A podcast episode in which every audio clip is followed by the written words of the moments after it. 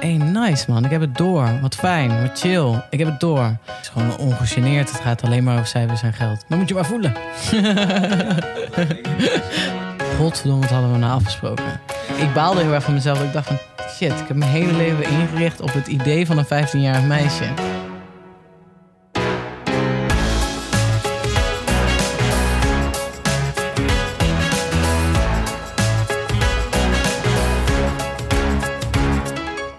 Beste luisteraar en welkom bij Young Ones, de podcast waarin ik jou meeneem langs de inspirerende verhalen van jonge ondernemers. Mijn naam is Sander Timmermans en ik ben ondernemer in de muziekindustrie. Nadat ik me van het mbo opwerkte tot advocaat, balanceerde ik op het randje van een burn-out toen ik inzag dat ik er niet gelukkig van werd. Reden genoeg om het roer om te gooien en om mijn gevoel achterna te gaan. En in deze aflevering praat ik met Diewertje Heuvelings, die onlangs haar debuutroman Anxiety uitbracht. Ze werkte jarenlang in de muziekindustrie, onder andere bij Spotify en bij een groot platenlabel in New York. Maar na het overlijden van haar oma ging ze haar lang gekoesterde droom om schrijfster te worden achterna. En de dag voor deze opname postte Diewertje een foto dat ze met Wim Hof, ook wel bekend als The Iceman, in een ijsbad zat. En die foto vormt het startpunt van ons gesprek waarin we het onder andere hebben over de kracht van ademhaling, meditatie en het afkicken van social media. Maar uiteraard gaat het ook over haar werk in de muziekindustrie en de roman die ze hierover schreef. Maar voordat we beginnen kan jij voor het eerst in de acht afleveringen tellende geschiedenis van deze podcast iets winnen. En dat is niet zomaar iets, want jij maakt kans op één exemplaar van het boek Anxiety met een persoonlijke boodschap van het diertje.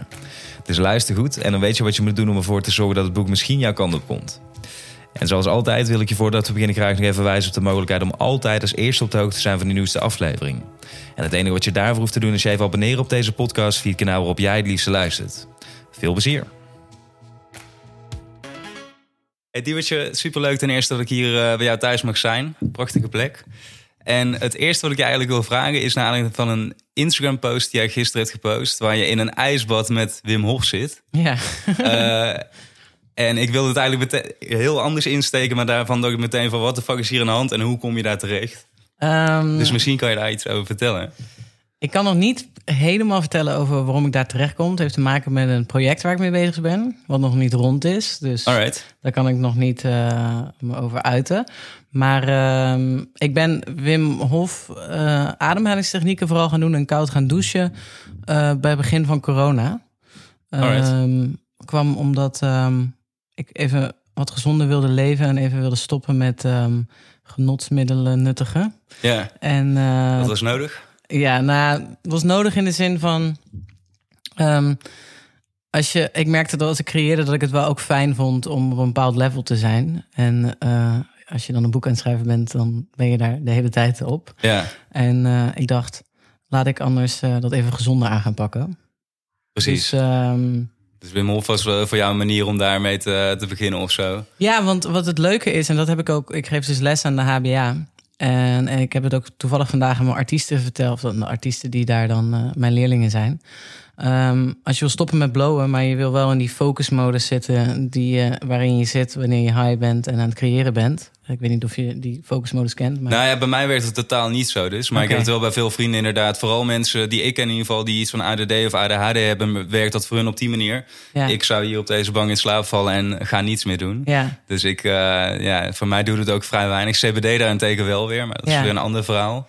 Ja, dus uh, ja, het zou waarschijnlijk ook met CBD kunnen. Uh, als je in die modus wil komen, dat je gewoon gefocust bent en uh, creatief bent en niet denkt aan allerlei andere problemen in je Ja. leven, dan, ehm, dan is die ademhalingstechniek die Wim heeft eigenlijk heel erg interessant, omdat je ehm, je reset jezelf een beetje en ehm, je komt tot een tot een eh, ja tot een punt die ik kan vergelijken met high zijn aan, eh, aan eh, wiet.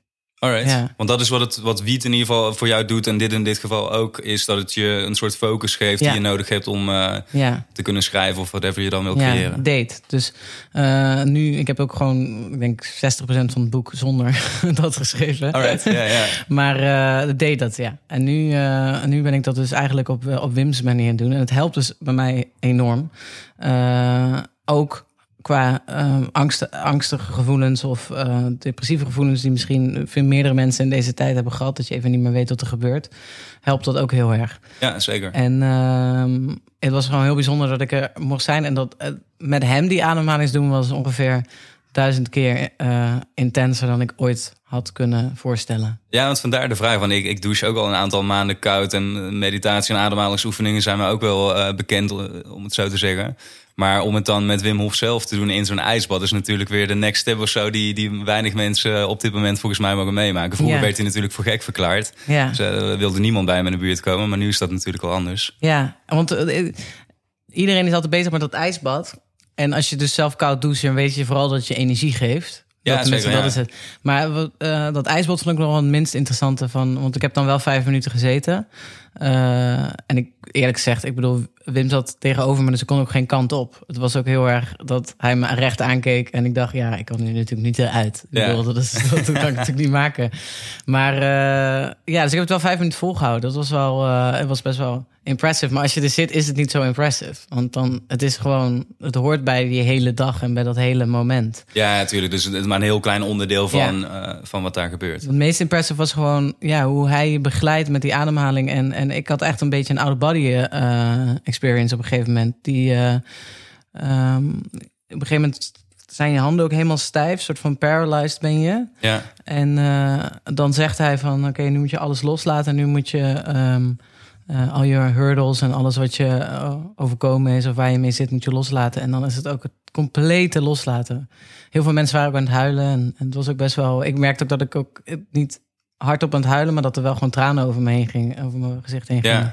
En, um, Want ik refereer naar het ijsbad, maar als ik het goed begrijp, ben je daar dus een hele dag geweest, ja. of meerdere dagen zelfs, om met hem daar dan bepaalde ja, rituelen wil ik het niet noemen, maar gewoon die processen die hij doorloopt met mensen, zeg maar, om dat te doen. Ja, dus je, ja. Doet, uh, je doet echt uh, workout, doe je, en dan doe je die ademhalingstechniek en dan ga je in het bad. Ja. Alright. En uh, ja, het was wel echt. en, en hij, hij praat gewoon heel veel over zijn filosofie en, en, en hoe hij hoe, hoe hij dingen ervaren heeft en dergelijke. Ja, ja, ja ook omdat je het over Herman Brood hebt. Ik heb wel eens gezegd van ik vind het raar nadat ik zelf heb ontdekt wat ademhaling voor je kan doen. En hoe erg het van invloed is op hoe je stress ervaart. Of überhaupt hoe je gedachten kan kalmeren of niet. Ik had daar vroeger ook heel veel last van. Echt gewoon super druk in mijn hoofd en een angststoornis gehad. Ja, wat natuurlijk ook met je gedachten te maken heeft. Wat je denkt over wat er gaat gebeuren.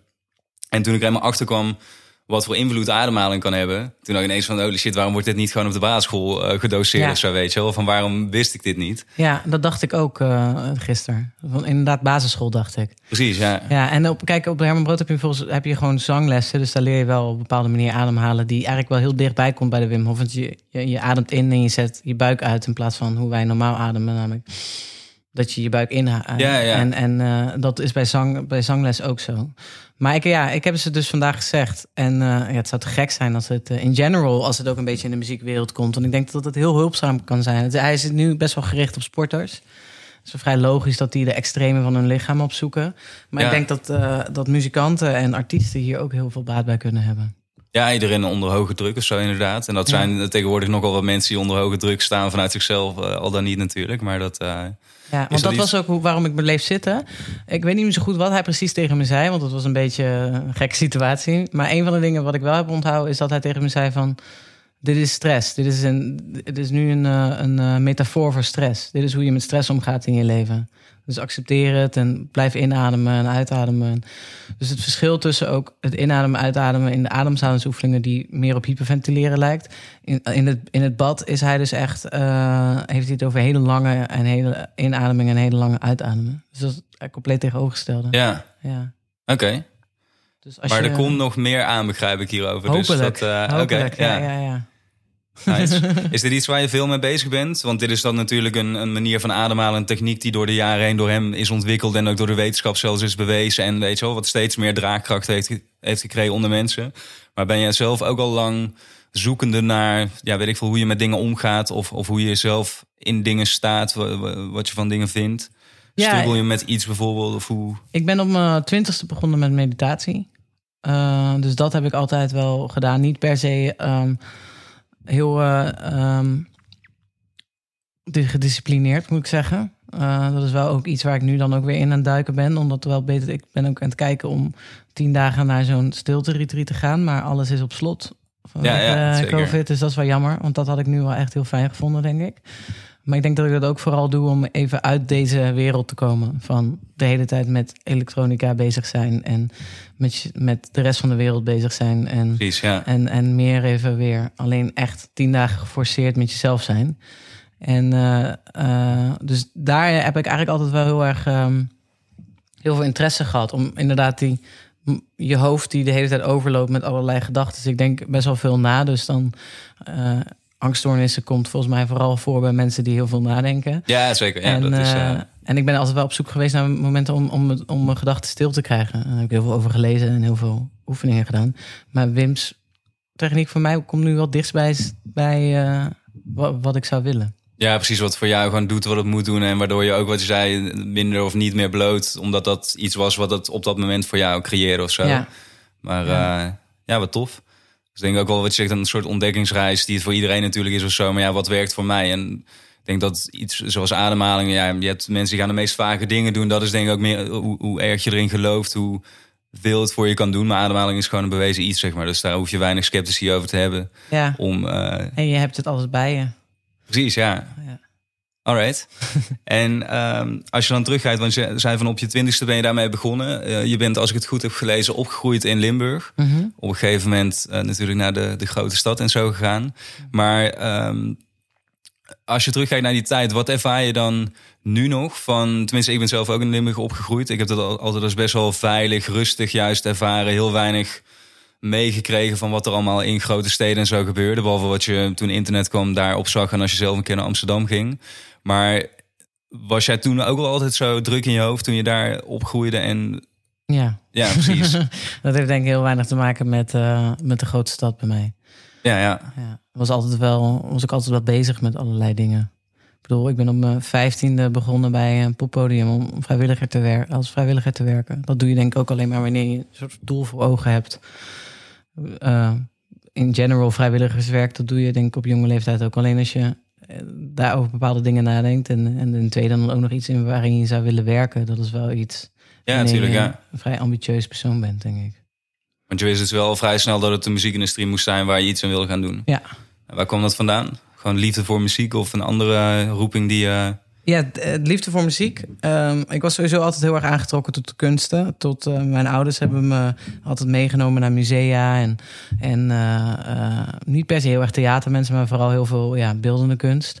Wat doen ze, je ouders? Ehm, mijn vader heeft nu een eh, bed and breakfast. Oké. Ja, mijn moeder is eh, hostess voor allerlei verschillende soorten bij musea en bij oh, musea. Oké, ja. en eh, verschillende dingen. Is ook best wel een soort faciliterende sociale rol of zo waar ze allebei in zitten. Ja, nu wel, ja. ja, ja. Ja. ja.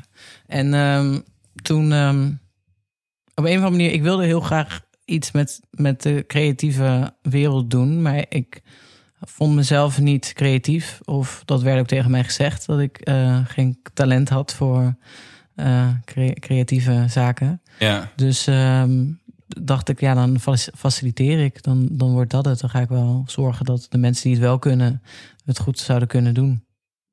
Oké. En je geloofde er ook meteen toen Ja. er werd gezegd van eh, cre- creatief zijn is niks voor mij. Zodat, eh Ja, dat geloofde ik meteen. Ja, als iemand, als iemand op jonge leeftijd tegen je zegt dat je niet goed bent, dan, dan hakt dat er best wel in. ja, natuurlijk. Ja. Dan, op jonge leeftijd ben je niet, heb je niet, denk ik, de tools om, om scheid te hebben of zo. En eh, dat heeft bij mij dus wel, ja, het heeft bij mij 20 jaar geduurd, of 22 jaar geduurd voordat ik dat eh Precies, ja. scheid om kunnen hebben. Ja, nu is het wel anders natuurlijk. Daar komen we zo wel bij. Maar dat eh, wel apart inderdaad. Wat je zegt, van omdat heel veel mensen natuurlijk of te horen krijgen van... oh, je bent bijvoorbeeld niet creatief genoeg of je bent niet slim genoeg... of whatever je iemand dan maar kan, kan opleggen. Eh, bij mij was het dan juist weer van ja, je kan wel eh, goed gitaar spelen... maar ja, wat ga je in de muziekindustrie doen, weet je? Wat ga je daar nou je geld in verdienen met je bandje? Wat, wat, Ja, weet je, hoe, hoe ga je dat klaarkrijgen? ja, En dan naarmate dat steeds vaker wordt gezegd, inderdaad, gaat het bij je spelen. En één keer op een duur geloof je het zelf. Of ja, ja, wat ga ik hier in godsnaam eigenlijk ook doen? Wat, eh, ja. wat is mijn nut nou in deze industrie of zo? Maar goed, dat is natuurlijk ja, hoe je er zelf mee omgaat. Bij jou is het dus een faciliterende rol geworden. En die heb je aardig opgepakt, denk ik zo. Eh, is dat, eh, zit dat wel in je karakter om je daar dan direct helemaal in vast te bijten? Of hoe? Want je zei, je begint bij een poppodium. ja. Nou, uiteindelijk eindig je bij, bij Spotify en bij een groot platenlabel in New York. Eh, op redelijk jonge leeftijd, denk ik wel. Mhm. Ja, het zit Best wel in mijn karakter om iets, iets vast te bijten. Ja, ja zeker. ook nu met het boek schrijven, dat, daar heb ik me ook wel erg in vastgebeten. Als ik iets in mijn hoofd heb, dan wil ik dat wel bereiken. Ik denk dat ik zat er wel aan te denken, want mijn familie is heel erg sportief. Mijn zus heeft heel erg gehockeyd. En, en eh, we zijn alle, alle drie wel, ik heb twee zussen, wel mensen die ons ergens in vastbijten, mochten we daar eh, interesse in hebben. Ja, Dus als ik goed had kunnen sporten, was dat misschien ook iets geweest. Maar ik kan dus absoluut niet sporten. oké. ik heb wel een beetje die mentaliteit dus van niet loslaten. Ja, precies. Gewoon je ergens in vastbijten. Dus je sport op dit moment ook niet. Dat hoort er niet bij het healthy plan wat je bent gaan. Jawel, eh, jawel. Ik ben, ik ben eh, heel veel gaan, eh, heel suf. Ik ben heel veel gaan inline skaten. Oké. Nice. ik heb nu, nu het slecht weer is, heb ik een, een scooter. Maar de, de hele zomer ben ik, eh, ik woon in Amstelveen en ben ik gewoon ook in Amsterdam toegesketen in plaats van fietsen. Ja, En ja. dan, eh, dat hielp wel. Maar ik vind sporten gewoon echt niet zo leuk.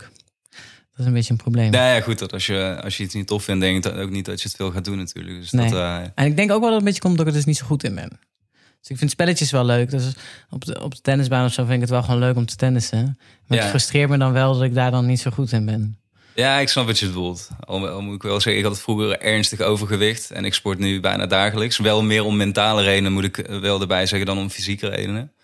Dus dat is ook wel een verschil, denk ik, van wat is je motivatie inderdaad om iets te doen. Hetzelfde als mediteren of zo, wat je zegt van ja, niemand staat denk ik elke ochtend op van yes, ik ga koud douchen en mediteren. En eh, daar heb ik helemaal joepje zin in. Maar als het dan iets voor je doet, ja goed, dan is het... eh, Ik heb er wel zin in hoor, mediteren. ja? Ja, Heb je daar echt... ja.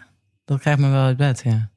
Oké. Ja, Ja, dan ben je een van de weinigen. Want de meeste mensen zeggen meestal, ja, moet ik meer doen? Maar ik, ik vergeet het of ik laat het liggen of zo. ja. Ik doe het vaak later op de dag of zo. Omdat ik merk dat ik dan daar meer een moment van voor kan maken. Maar Ja, ik vind het omdat... ehm, ehm, ik zie het als een spier, mediteren. Ik zie het als iets wat je traint.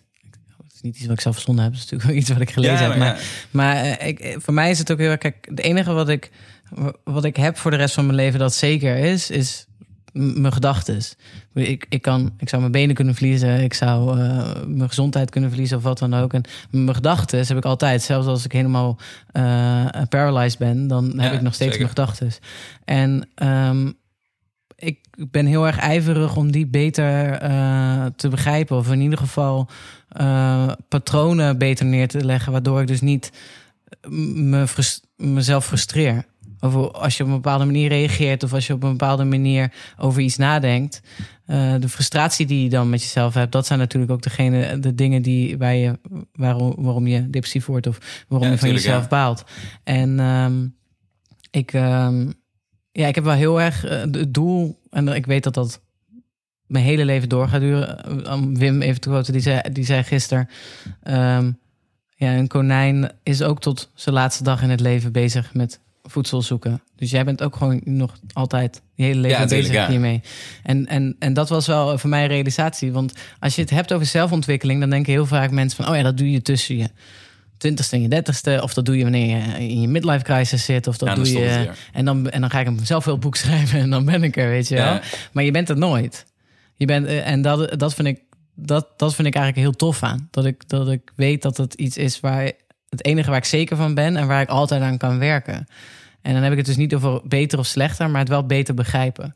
En, Ja, tuurlijk, en dat, ja. dat kan alleen door meditatie. Want bij meditatie ben je constant bezig met ehm, je, je onderbewustzijn ehm, niet per se te verbeteren, maar het in ieder geval een, eh, het, er bewust van te zijn van wat je onderbewustzijn eigenlijk doet. ja, En, en dat is hetzelfde als met een, ja, zie ik hetzelfde als met een spier.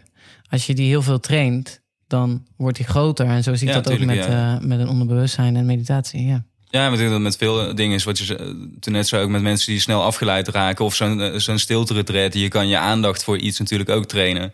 Van, eh, Ik had dat, ik denk twee maanden terug of zo, een maand geleden kwam ik er ineens achter. Of mijn vriendin zei trouwens, van, zei van je zit de hele tijd met je telefoon in je handen. En als je hem weglegt, ben je binnen twee seconden heb je hem weer vast en ben je precies hetzelfde aan het doen. Ik ineens dacht van, holy shit, het lijkt wel, of niet het lijkt, het is gewoon een soort dwanghandeling geworden. En ik ging in die tijd ook, had ik het super druk in mijn hoofd. En ik zei van, ja, het lijkt wel alsof ik vanaf dat ik wakker word totdat ik ga tukken. En het is er weer ingeslopen of zo. Eh, en toen ben ik er gewoon helemaal mee gestopt. Dus ik heb hem 's ochtends weggelegd, een paar van die systemen ingebouwd. Dat ik elke keer hem op een bepaalde plek neerlegde. Eh, dat zij dan, als ik er weer naartoe eh, liep, zei van... ...joh, wat ga je nou doen? Heb je een reden om er naartoe te gaan? Of loop je maar weer gewoon om te checken? Ja, ik ben nu, denk ik, vijf weken verder of zo. Het is Ja? een wereld van verschil. Gaat het goed? Ja, zeker. Ik heb ja. daar zoveel moeite mee. Het gaat oprecht. eh, Je, je moet gewoon hetzelfde als met wat zeg mediteren. Uiteindelijk is het ook voor een reden natuurlijk. Je doet het niet zomaar van, oh, ik wil mijn telefoon minder aanraken. Het is omdat je er last van hebt of zo. Of aan wil werken of aan Ja. iets wil trainen. Het is gewoon, een- het, voor mij is het een escape. Dus ik heb even ja. niks te doen. Ik had in een boek gelezen dat eh, als je veel op je handen let, dat dat ook helpt bij mindfulness. Dus als je bewust bent van wat je handen doet, dat je dan meer bezig bent met wat je eigenlijk aan het doen bent. Dus dat probeer ik nu steeds te doen. Als ik mijn telefoon op mijn handen zet, zit ik naar mijn handen te kijken en denk, oh ja. Ja, de, gewoon de Ja. handeling op zich natuurlijk Ja. ook al. Ja. Maar ik, ik- daar heb ik echt wel moeite mee. Ook eh, ik, eh, voordat het boek uitkwam, heb ik mijn Instagram verwijderd en eh, als in van mijn telefoon verwijderd. En dan gaat het heel goed. Als dat er niet op zit, dan heb ik ja. eigenlijk heel weinig op te doen. Maar eh, ja, dan komt het boek uit en dan ben je bezig met, met promo en dingen delen en eh, allemaal Nou, dat dit- soort dingen. Ja, precies die situatie die je nu schetst. Voor mij was het ook niet van, oh, ik wil gewoon lekker content verorberen. Maar ook met zo'n podcast als dit of iets wat je in ieder geval naar buiten brengt. Daar krijg je natuurlijk reactie op. Je moet of wil weer andere dingen naar buiten brengen. Dus op het duur raak je heel snel weer in die molen. En, en wordt het toch wel weer gebruiken in plaats van het voor je, in dit geval voor jou, voor je boek en voor mij voor mijn podcast inzetten. Uh, maar ik merk heel veel verschillen. En het chill is wat jij net ook zei met je onderbewustzijn. Is dat op het moment dat je dan weer gaat mediteren of je gaat nadenken van oh, wat wil ik gaan doen of zo. Dan kan dat ook weer. Want er is ruimte voor letterlijk in je hoofd om dat soort uh, Ja. ja. gevoelens en zo toe te laten. Terwijl als je alleen maar de hele tijd bent afgeleid, ja, hoe ga je dan Ja. daarna kunnen luisteren? Dat is gewoon niet. uh, Maar je zou eigenlijk aan je vriendin moeten vragen of ze het niet meer tegen je zegt. Want het belangrijkste aan eh, iets voor jezelf trainen is dat je je onderbewustzijn, die, dus je bent met je telefoon bezig en dan je onderbewustzijn, Ja, ja. zegt eigenlijk tegen jou. hey, we, hadden toch iets afgesproken? Dus dan is je vriendin. Ja, natuurlijk. Ja, ja. En dan wat je dan doet, en dat is het allerbelangrijkste, en dat is waarom mensen te- tegen meditatie opkijken of in general tegen verandering opkijken, is ze worden geïrriteerd naar zichzelf. Godverdomme, wat hadden we nou afgesproken? ja, ja. Maar wat je moet doen is zeggen: hey, nice man, ik heb het door. Wat fijn, wat chill. Ik heb het door. Ik ben iets aan het doen wat ik niet had moeten doen, maar wat goed dat ik Ja, het door zeker, heb. ja. En dan met, met dat, als je dat gevoel dus creëert, dan is ehm, jezelf verbeteren krijgt dus een, eh, een fijnere eh, referentie dan dat je dus jezelf afstraft. Op het moment dat je jezelf afstraft, dan doe je dat dus niet meer. Want je wil jezelf niet Ja, afstraffen. natuurlijk. Ja. Dus eigenlijk moet je dus aan je vriendin vragen van... hey, ik moet het zelf leren. Ja, daar, daar ben ik nu die dus, zeg maar. Weet Ja. In het begin was het meer gewoon bewust worden van wat ik doe. Omdat het zo in mijn onderbewust inmiddels zat om Ja. de hele tijd maar die telefoon te pakken. Dus je houdt jezelf gewoon heel snel voor de gek daarin. Omdat je één zwak moment of één moment op de bank dat je even denkt... en je zit weer daar dat je een half uur naar je telefoon zit te staan. Dus in het begin was het juist zodat zij me bewust kon maken van mijn onbewuste gedrag of zo. En toen ik daar eenmaal was van, oh shit, het zit dus op, weet je, op die manier functioneer ik hierin, kon ik het zelf gaan oppakken. En nu is het eh, dus niet dat zij overal achter me aanlopen natuurlijk. Dus eh, ik zat net in de trein hier naartoe bijvoorbeeld, heb ik een uur gewoon een boek zitten lezen, een beetje uit het raam zitten kijken, schrijfblok erbij, eh, ideeën opschrijven eh, en daarmee bezig zijn. Normaal gesproken had ik een uur op mijn telefoon gezeten en was ik hier ook niet zo rustig en relaxed aangekomen als dat ik hier nu zit bijvoorbeeld. Wat voor dit gesprek weer heel fijn is. ja. Dus je merkt gewoon dat het een soort aaneenschakeling is van of positieve dingen, of dat wanneer je de hele tijd ja, afgeleid bent of ermee bezig bent, ja. dan eh Wat, zo, het je door je dag of zo. wat ik wel lastig vind, is dat ik ook wel veel dingen uit mijn telefoon haal waar ik wel wat aan heb. Bijvoorbeeld podcasts die ik luister of ik- meditatie dingen of een Wim Hof app. Ja, weet je wel. natuurlijk, ja. Dus, dus dat is soms ook wel lastig dat je wel echt, want het liefst zou ik hem helemaal niet meer gebruiken. Op dat punt ben ik nu. Ja, nou, ik, ik, ik neem mezelf niet altijd voor van jou heb je een reden om te pakken. Want ik heb natuurlijk, ik heb inderdaad ook een meditatie app, maar ik heb het ook met podcasts. Van op het duur luisterde ik gewoon bijna twintig podcasts of zo per week. Van overal waar ik was had ik zo'n ding op mijn oren. En het was meer om maar iets te horen. In plaats van dat ik nou echt dacht van hé, hey, deze moet ik luisteren. Dus ik heb ook dat bijvoorbeeld weer teruggebracht.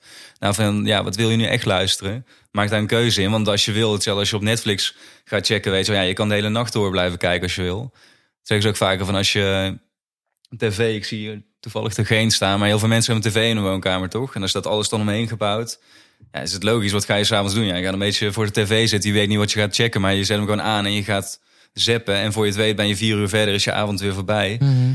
Ehm, dat om je dat af te leren is alleen al, stel jezelf voor dat je hem aanzet, de vraag, wat wil ik nou gaan kijken? En is het echt wel zo nodig wat ik wil kijken? Of ja. weet je wel, doet het niks voor me of zo. Maar goed, tof dat je, daar, dat je daarmee bezig bent inderdaad. En dat je dus bij hem bent geweest. Hoe is dat eh, te rijmen met, want ik merk bij mezelf vaker dat als ik me heel erg in iets vastbijt, dan kan ik op een gegeven moment ook van mijn gevoel wegraken. Dat ik juist vooral me heel erg in iets aan het vastbijten ben. En alleen maar voor dat doel ga en maakt niet uit, kosten wat kost, ik ga er komen. Uh, maar daarbij kan je dus wel vaak eh, de vraag van, ja, wil ik dit eigenlijk wel? Of vind ik het nog wel tof op deze manier een beetje uit het oog uh, verliezen? Hoe zorg jij ervoor dat, je, dat die twee niet in elkaar gaan overlopen? Nou, het doel moet het pad zelf zijn en niet waar het eindigt. Want je weet ook niet waar het eindigt. Ja. Dus um, uh, bij mij was het uh, doel bij Spotify gewoon elke dag het leuk vinden wat ik doe. Dat is eigenlijk, eigenlijk altijd mijn doel. Ik, ik heb het eigenlijk heel vroeg besloten, omdat ik toen ik 15 was wel heel duidelijk een doel had. Ik wilde graag een uh, woonboot in Amsterdam. Of wonen op een woonboot in Amsterdam. Een creatieve man. Ja. dat was in, in mijn hoofd was dat iets, iets heiligs. En uh, een hond. En ik wilde zelf een baan in de creatieve industrie. En toen ik 21 was, toen had ik dat. Toen woonde ik op een woonboot. Een creatieve man, een hond, een baan in, in, in, in de industrie. Ik werkte toen bij Massive Music. Als, ik Ja. muziek uit voor reclames. Ehm, en toen dacht ik, eh, ja, shit, ik ben 21. Dat heb ik veel te snel gedaan. Hoe, weet je, wel, hoe, wat en nu? Wat nu?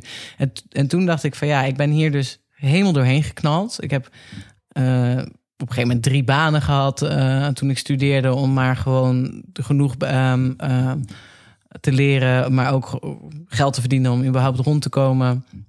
Ik heb van alles en nog wat gewoon gedaan. Tot aan weet je, schrijven voor een dance magazine. Ik, ik hou niet eens van dance. Ja, ja. Tot aan een sta- stage lopen bij, bij eh, Red Bull. Ehm, werken in kroegen dus om de rekening te betalen. eh, Booking, assistent. assistent eh, echt allerlei soorten dingen. En dat is ook goed dat ik dat geprobeerd heb. Want dan weet ik een beetje wat ik, wat ik wel leuk vond en niet leuk vond. Ja, natuurlijk. Het is gewoon ervaring opdoen en kijken wat... Maar heb ik dan echt genoten? En dat, was, dat was ik mezelf zeggen af aan het vragen om mijn 21ste. Van ja, is dat dan, heb ik wel die drie jaar dat ik hierin geïnvesteerd heb, heb ik wel gewoon goed opgelet en ben ik wel bewust genoeg bezig geweest?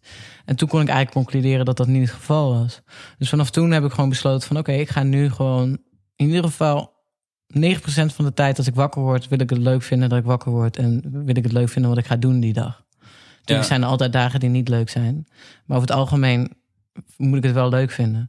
En zo heb ik het eigenlijk altijd gedaan. Dus mijn doel was bij Spotify bijvoorbeeld nooit om de dingen te doen die ik heb gedaan. Die zijn gebeurd omdat ik er met zoveel passie en liefde in zat. Ja, want jij was misschien even voor de mensen die luisteren... en die denken van Spotify, waar heet ze het over? Jij, jij bent jarenlang degene geweest die, die alle Nederlandse... als ik het goed begrijp, begreep, eh playlist van Spotify heeft gecurated... dus heeft bijgehouden, bepaald op basis van data... wat er wel en niet in eh, komt. Ja, en dat is steeds verder gegroeid. En samen met de, de upstream zeg maar, van de hip-hop, die natuurlijk eh, keihard is gaan op een gegeven moment. eh, ging jij ook steeds harder, om het zo maar te zeggen. En eh, eh, ging dat steeds beter of zo. Dus je dat legt is. het als beste uit van iedereen. Ja? Dankjewel. Ja. Nou, top. Dat, eh, nou, we, we zeiden voordat we dit gesprek ingingen al van ja, we kunnen nu heel technisch stil gaan staan bij eh, wat je daar exact hebt gedaan, hoe het allemaal werkt met die playlist. Maar eh, ik vind dat zelf wat minder eh, interessant en relevant voor nu. Ehm, maar wat je bij Spotify, je was ten eerste na toen je daar begon al enorm fan van het platform, toch? ja. Dus dat is al stap één natuurlijk, dat je wat, het bedrijf of in ieder geval het merk, hoe je het wil noemen waar je voor gaat werken, dat je dat al helemaal te gek vindt. ja. Ik weet nog toen dat ik eh, bij een groot advocatenkantoor ging werken. Toen vond ik het wel heel vet dat ik bij grote advocatenkantoren ging werken. Ik had geen idee wat daar gebeurde of zo. Maar ik dacht van nou, dan kan ik dat zeggen en dan is dat heel vet. Ja, kom je heel snel achter dat dat eh, compleet nergens naartoe eh, werkt. ja. Maar ehm, wat was het wat je daar zo leuk aan vond dan? Het muziek luisteren natuurlijk, maar... Nou, het feit dat het legaal was. Want het was natuurlijk na de tijd van piraterij. En daar voelde ik me altijd best wel schuldig over. Dat je zo van muziek houdt en toch niet echt... eh, ja, toch meedoet aan het systeem wat muziek kan... eh, ja, de muziekindustrie in ieder geval kan laten wankelen. Eh, en ik vond het heel gebruiksvriendelijk. En ik vond het eh, gewoon heel chill dat alles te vinden was. Ja, precies. En eh, ik wist natuurlijk nog helemaal niet wat voor bedrijf het was. Want dat weet je pas als je ergens werkt. Maar toen ik eenmaal werkte, was ik ook, was ik ook heel erg enthousiast over het bedrijf. Hoe ze met hun personeel omgaan. Hoe ze naar, over bepaalde zaken denken. En, en ik voelde me daar heel erg thuis, ja zeker. Ja, want ik denk ook dat je het wel ervaarde als iets goeds ook inderdaad van de industrie. Want als ik me niet vergis, had je daarvoor inderdaad ook al die, die protesten en zo vanuit bands en artiesten tegen de piraterij en wat er allemaal aan de hand was. En de gebruikers dachten juist van ja, joh, dit is eh, super chill, want die albums die kosten nogal wat, dus we doen het op deze manier. Ja, En dit was het antwoord natuurlijk vanuit... eh, ja, het is niet ideaal. Er zijn natuurlijk altijd betere manieren om eh, meer geld te verdienen. Maar het is wel een beter, een beter alternatief dan piraterij. tuurlijk, ja, dat Ja. sowieso. Dat, Dus, ehm, dus dat, dat was het vooral. Ja, ik was wel echt, ik stond ook gewoon echt achter. En ik dacht ook in die tijd ook dat playlist heel groot zouden kunnen zijn. Ik weet nog dat ik wel een discussie had met een ex-collega van mij bij het vorige bedrijf waar ik dan werkte. En die zei: Ja, er zit toch niemand op te wachten. Ik, ja, je bent, aan je bent aan het overschatten wat de gemiddelde eh, con- muziekconsument bezig is met muziek. Dat wij van muziek houden omdat we van niks zoveel houden als van muziek. Dat betekent Ja. niet dat de gemiddelde muziekconsument niet gewoon wat op wil hebben en het is prima. Ja, natuurlijk. Ja, Ja. Dat, dat is voor iedereen een ander, eh, ander ding wat je daar ook weer in zoekt natuurlijk. Dat, eh, Ja, dus eh, ja, ik geloofde ook wel echt in wat ze gingen doen. wanneer was het punt dat je... ehm, want dat punt is er, dat weet ik. Maar dat je het minder leuk begon te vinden? Of, En toen het zo succesvol werd en toen er zoveel druk kwam kijken vanuit buiten, buiten Spotify. ja, Dus in Spotify zelf was er niet per se heel veel druk. Het was wel een drukke baan en er veranderde altijd van alles in het bedrijf. Maar daar, dat was niet wat ik vervelend vond. Ik hou heel erg veel van verandering. Alleen eh, eh, op een gegeven moment worden, worden je... Ten eerste begint bij mensen die je dingen... eh, die je credits geven voor dingen die je nooit hebt gedaan. Dan weet je dus dat dat ooit een keer andersom gaat zijn. ja. En, en, en dat was... ik, ik werd daar heel ongemakkelijk van. Zoals jij zegt van, weet je... eh, je baseert playlist op data. En eh, dat was ook wat het was. Maar mensen wilden, wilden dat niet horen. precies, ja. En ja, dan kan je zeggen wat je wil, maar als mensen het niet willen horen, dat was heel frustrerend. Ja, maar misschien ook wel omdat dat vanuit een bepaalde objectiviteit uitgaat. eh, wat je zegt van het is op basis van data. Nou, dat is redelijk objectief volgens mij. Want is, wat zei, hoe snel iemand een nummer doorspoelt of zo. Ja, dat kan je gewoon meten en that's it. Daar, daar komt weinig subjectiviteit aan te pas. Ehm, in een wereld waarin heel veel wel op basis van subjectiviteit gaat. eh, tenminste, als ik naar de muziekwereld eh, of de muziekindustrie kijk, zie ik juist een wereld met heel veel achterkamerpolitiek, waar heel veel dubbele belangen de hele tijd spelen. Eh, daar is het natuurlijk niet echt chill wanneer er zoiets duidelijks als data ineens Ja. gaat bepalen of je dus wel of niet Ja, kan slagen. ja dat was ook, Dus ja. Maar het was, ehm, dus ja, ik vond dat denk ik het minst, minst leuke. En ik weet ook niet zo goed waarom ik dan dacht dat ik een label wel heel leuk zou vinden. Ik denk ook niet dat ik dat per se dacht. Ik denk eerlijk gezegd dat ik daar wat beter over na had moeten denken. Maar aan de andere kant ben ik heel blij dat ik het heb gedaan. Ik ben heel blij dat ik Ja. het heb gedaan door om verschillende redenen. Maar ik had al best wel snel door dat dus de baan die ik aangeboden kreeg in Amerika, want dat is uiteindelijk waarom ik weg ben gegaan, dat dat niet iets was wat ik. eh, Had je door terwijl je daar was of van tevoren bijna al voordat je er naartoe ging? Nee, toen ik daar was. Ja, precies. Ja. Toen dacht ik van, oh ja, oh, dit is nog meer politiek. Ja, Dit is nog meer eh, eh, belangrijk. eh, dit is focus op cijfers en, en hits en, en dergelijke. En ehm, ik was daar denk ik een beetje naïef ingegaan, denken dat ik... eh, en dat is ook wel heeft te maken met wat je, wat je beloofd wordt natuurlijk. Maar denken dat ik daar gewoon alleen maar hele interessante, credible dingen mocht doen. En ja, uiteindelijk moet je toch verantwoorden aan ja industrie. zeker. Wat is hetgeen, ehm, want je zegt wel van ja, ik heb me op een gegeven moment voorgenomen of dat, dat ben ik gewoon gaan doen, is vooral eh, geniet van de reis, zeg maar, die je aflegt of het pad dat, eh, dat je bewandelt. Anderzijds denk ik dan van ja, toen je met muziek begon, had je natuurlijk wel een bepaald beeld van wat je wil gaan doen. Je stelt je in ieder geval, weet je wel, niemand kan zonder doel een richting opgaan natuurlijk. Dus je hebt in ieder geval als doel om in de muziekindustrie dan te gaan werken. En dat wordt steeds eh, eh, op een wat hoger niveau natuurlijk. Maar wanneer was het moment dan dat je toch wel dacht van... hey, het beeld wat ik van tevoren ervan had... toen ik als 15-jarige bijvoorbeeld bij een poppodium begon... eh, als vrijwilliger en het voor de, de artiest wilde doen... en voor de creativiteit en dergelijke...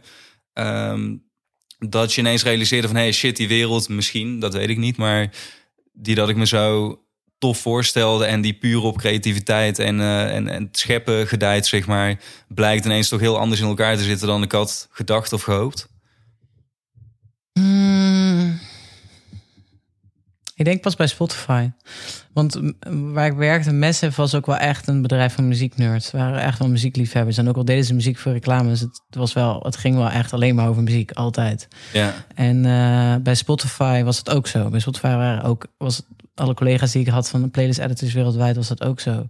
Maar pas als je dan echt met de industriekant te maken hebt, dan kom je erachter dat daar natuurlijk gewoon hele andere belangen ook bij zitten. Het zijn geld. Maar dat heb je bij elke industrie natuurlijk. Uh, Tuurlijk, maar ja. wij zijn wel natuurlijk uit een. Ik weet niet hoe oud ben jij? Ik ben 28 nu. Oké, ja. Ja. Dus je komt ook uit een periode dat... Ik weet niet hoe oud jij was toen je dacht... ik wil in de muziekindustrie werken. Maar je komt wel uit een periode dat het misschien op zijn gat lag. En dat je dacht van ja, maakt niet uit of ik geld verdien. Ik wil er sowieso in. Ik wil Ja, gewoon ja, dat zeker. doen. En, en nu is het natuurlijk een periode waarin er heel veel geld wordt verdiend en alles weer heel erg goed gaat. En dan krijg je dus een situatie waarin, waarin er dus mensen komen die daar misschien met andere redenen in zitten dan, dan hoe wij daarin gingen. Zou je kunnen zeggen, want dat had ik heel erg... We komen er zo echt goed bij. Maar toen ik je boek las, maar ook überhaupt toen ik een beetje je beweegredenen las... ehm, wat je op het duur zo aan relax vond worden bij Spotify... kunnen zeggen dat juist de mechanismen en de politiek... en eh, alles wat gaande is in die muziekindustrie... wat het draaiende houdt ervoor heeft gezorgd... dat jij het op een gegeven moment niet meer tof vond. Want jij werd op, het, op een gegeven moment op een soort voetstuk geplaatst... van nou, eh, weet je wel, zij is eh, de almachtige over... of je wel of niet in de playlist komt... Wat het totaal niet was. Maar we zeiden, ja, dat wilden mensen niet horen. En dat was de reden dat jij het op het uur weer zei van ja. Ja, dan moet je maar voelen. nou, ja, dat, dat, dat weet ik niet de eerste jou worden. Maar meer van weet je wel dat dat juist is dat je dan zelf denkt van ja, dit vind ik juist helemaal niet tof eraan of zo. Ja, ja dat, was, dat was het zeker, ja. Dat was het. Ik wou, ik wou ook al. Ik, dat was ook helemaal nooit mijn bedoeling. Ik, ik wou ook altijd eh, gewoon in, op de achtergrond blijven. De reden waarom ik dat niet heb gedaan was om, omdat ehm, je. Het was op een gegeven moment een strategie dat er naar buiten werd gebracht dat de mensen achter playlist zaten. Dus dat werd ook van je verwacht. En ten tweede was het ook, ik wilde heel graag, juist om tegen die, die machine, wilde ik zo toegankelijk mogelijk zijn. Zodat eh, een artiest niet per se bij een label of bij een managementbureau of bij wat dan ook moest tekenen, zouden ze in een playlist kunnen komen. Dat, dat er Ja. in die playlist voor iedereen ruimte was. Als de muziek maar goed was en a.k.a. als de data van de mensen het tof vonden, dan hoeft ze, maakt het niet uit of eh, Jan of Piet jou, eh, jouw muziek representeerde. Zolang Tess maar de muziek goed vindt, weet je? Precies, ja. En, en daarom heb ik mezelf zo opengesteld daarnaar. Maar dan krijg je dus deze situatie. Ja, ja, tuurlijk. Dat, eh, maar aan de andere kant, ja, misschien kan je ook wel zeggen, misschien maar goed of zo. Of in ieder geval, het heeft je op een gegeven moment vrij snel duidelijk gemaakt, denk ik, hoe dat het eraan toe ging of zo. En, Ja. en wat je daar zelf van vond. En dan kan je dan maar beter je, je eigen keuzes in maken. Toch voordat het te laat is of zo. Voordat je zelf in meegaat en dat het dan maar dat systeem wordt. Tenminste, Ja. dat heb ik vaak gemerkt. Is dat je als je in een soort bubbeltje komt. Dat, wat de muziekwereld natuurlijk ook is, is best wel klein. En je laat je heel snel meevoeren door hoe het ergens gaat. Zonder daar zelf over na te blijven denken van... hé, wat vind ik hier nou van? En voel ik me hier een beetje... eh, voel ik me hier helemaal senang bij of zo? Dan ben je op het duur gewoon precies dat aan het doen natuurlijk. Want het wordt steeds normaler en steeds meer kom je daarin of zo. Ja, en dat, maar dat had ik vooral heel erg bij eh, in, in Amerika. Dat ik echt dacht van, oh ja, als ik wil winnen in deze industrie, in dit land, dan moet ik heel veel van mezelf opgeven waar ik niet, eh, ik ben dan niet bereid om op te geven. Ja, precies. Wat merkt u daar überhaupt eh, qua verschil ten opzichte van Nederland? Qua mensen misschien, qua überhaupt Ja, industrie, qua wa- wat was daar... Eh, het is gewoon ongegeneerd. Het gaat alleen maar over cijfers en geld. En alles, al, alles is opportunistisch in die zin. In Nederland eh, zit er nog wel meer gêne aan of zo. In Ja. Nederland heb je ook wel ja, dat Calvinistische van...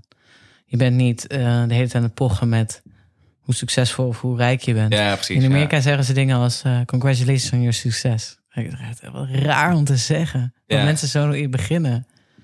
Vind ik zo, vond ik zo Ja, raar. natuurlijk. Ja, dat is... eh, Maar dat is heel normaal daar. Dat is, dat is gewoon beleefd. Van, Je moet eerst even erkennen dat iemand heel erg succesvol is. Ja, al zijn ze daar natuurlijk, is, is succes als je dat vergelijkt met Nederland, is natuurlijk ook een hele andere, andere wereld. Van hier is meestal, nou, blijf van lekker laag bij de grond en dan val je niet te veel op. Ja, Maak niet te veel fouten, want weet je wel, in Amerika is meer van, ja, ga alsjeblieft tien keer op je bek en dan kom je Ja. ergens of zo. ja.